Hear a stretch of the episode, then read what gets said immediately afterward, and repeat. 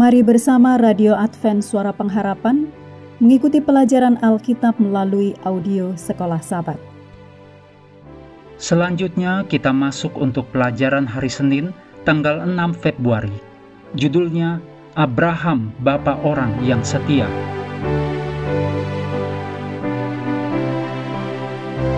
Mari kita mulai dengan doa singkat yang didasarkan dari Matius 6 ayat 20. Tetapi kumpulkanlah bagimu harta di sorga. Di sorga ngengat dan karat tidak merusakannya, dan pencuri tidak membongkar serta mencurinya. Amin.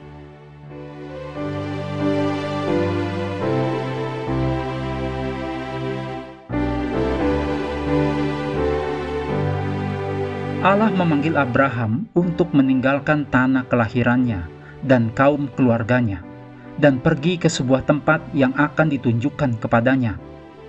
Dengan demikian, Abraham memulai garis keturunan Mesias, meskipun rinciannya tidak diberikan.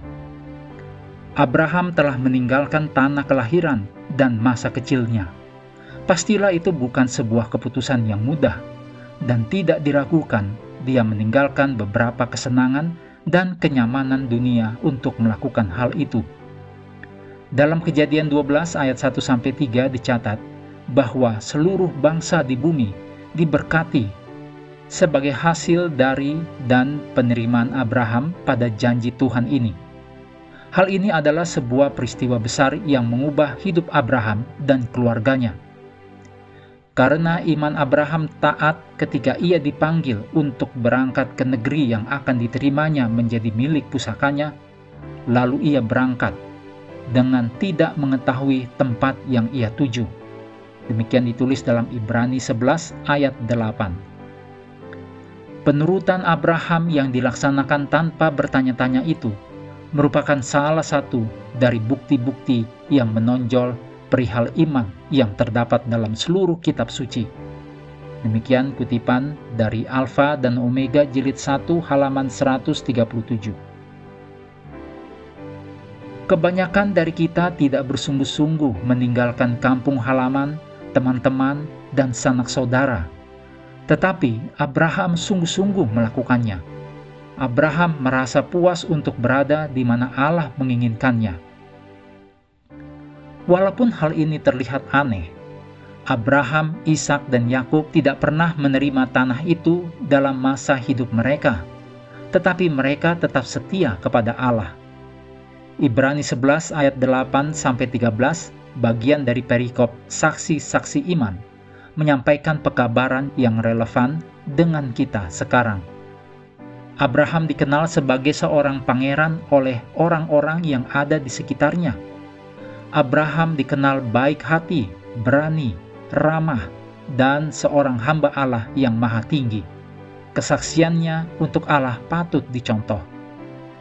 Oleh kemurahan Allah, kita adalah pewaris-pewaris bersama Abraham. Dalam Galatia 3 ayat 6 dan 7 dikatakan, Secara itu jugalah Abraham percaya kepada Allah, maka Allah memperhitungkan hal itu kepadanya sebagai kebenaran. Jadi, kamu lihat bahwa mereka yang hidup dari iman, mereka itulah anak-anak Abraham. Berikutnya, dalam Galatia 3 ayat 29 dikatakan, Dan jikalau kamu adalah milik Kristus, maka kamu juga adalah keturunan Abraham dan berhak menerima janji Allah.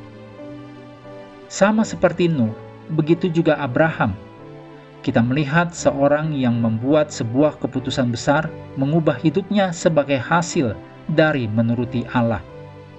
Dalam 2 Korintus 4 ayat 18 mengatakan, Sebab kami tidak memperhatikan yang kelihatan, melainkan yang tak kelihatan. Karena yang kelihatan adalah sementara, sedangkan yang tak kelihatan adalah kekal. Kiranya pekabaran ayat ini berpengaruh pada jenis keputusan-keputusan rohani yang kita buat, sebagaimana Musa dan Abraham mengikuti prinsip yang sama. Amin. Mengakhiri pelajaran hari ini, mari kembali ke ayat hafalan dalam Markus 8 ayat 36 dan 37. Apa gunanya seorang memperoleh seluruh dunia tetapi ia kehilangan nyawanya? Karena apakah yang dapat diberikannya sebagai ganti nyawanya? Kami terus mendorong Anda untuk mengambil waktu bersekutu dengan Tuhan setiap hari bersama dengan seluruh anggota keluarga baik melalui renungan harian, pelajaran sekolah sahabat, juga bacaan Alkitab sedunia percayalah kepada nabi-nabinya, yang untuk hari ini melanjutkan dari 2 Tawarif pasal 22. Tuhan memberkati kita semua.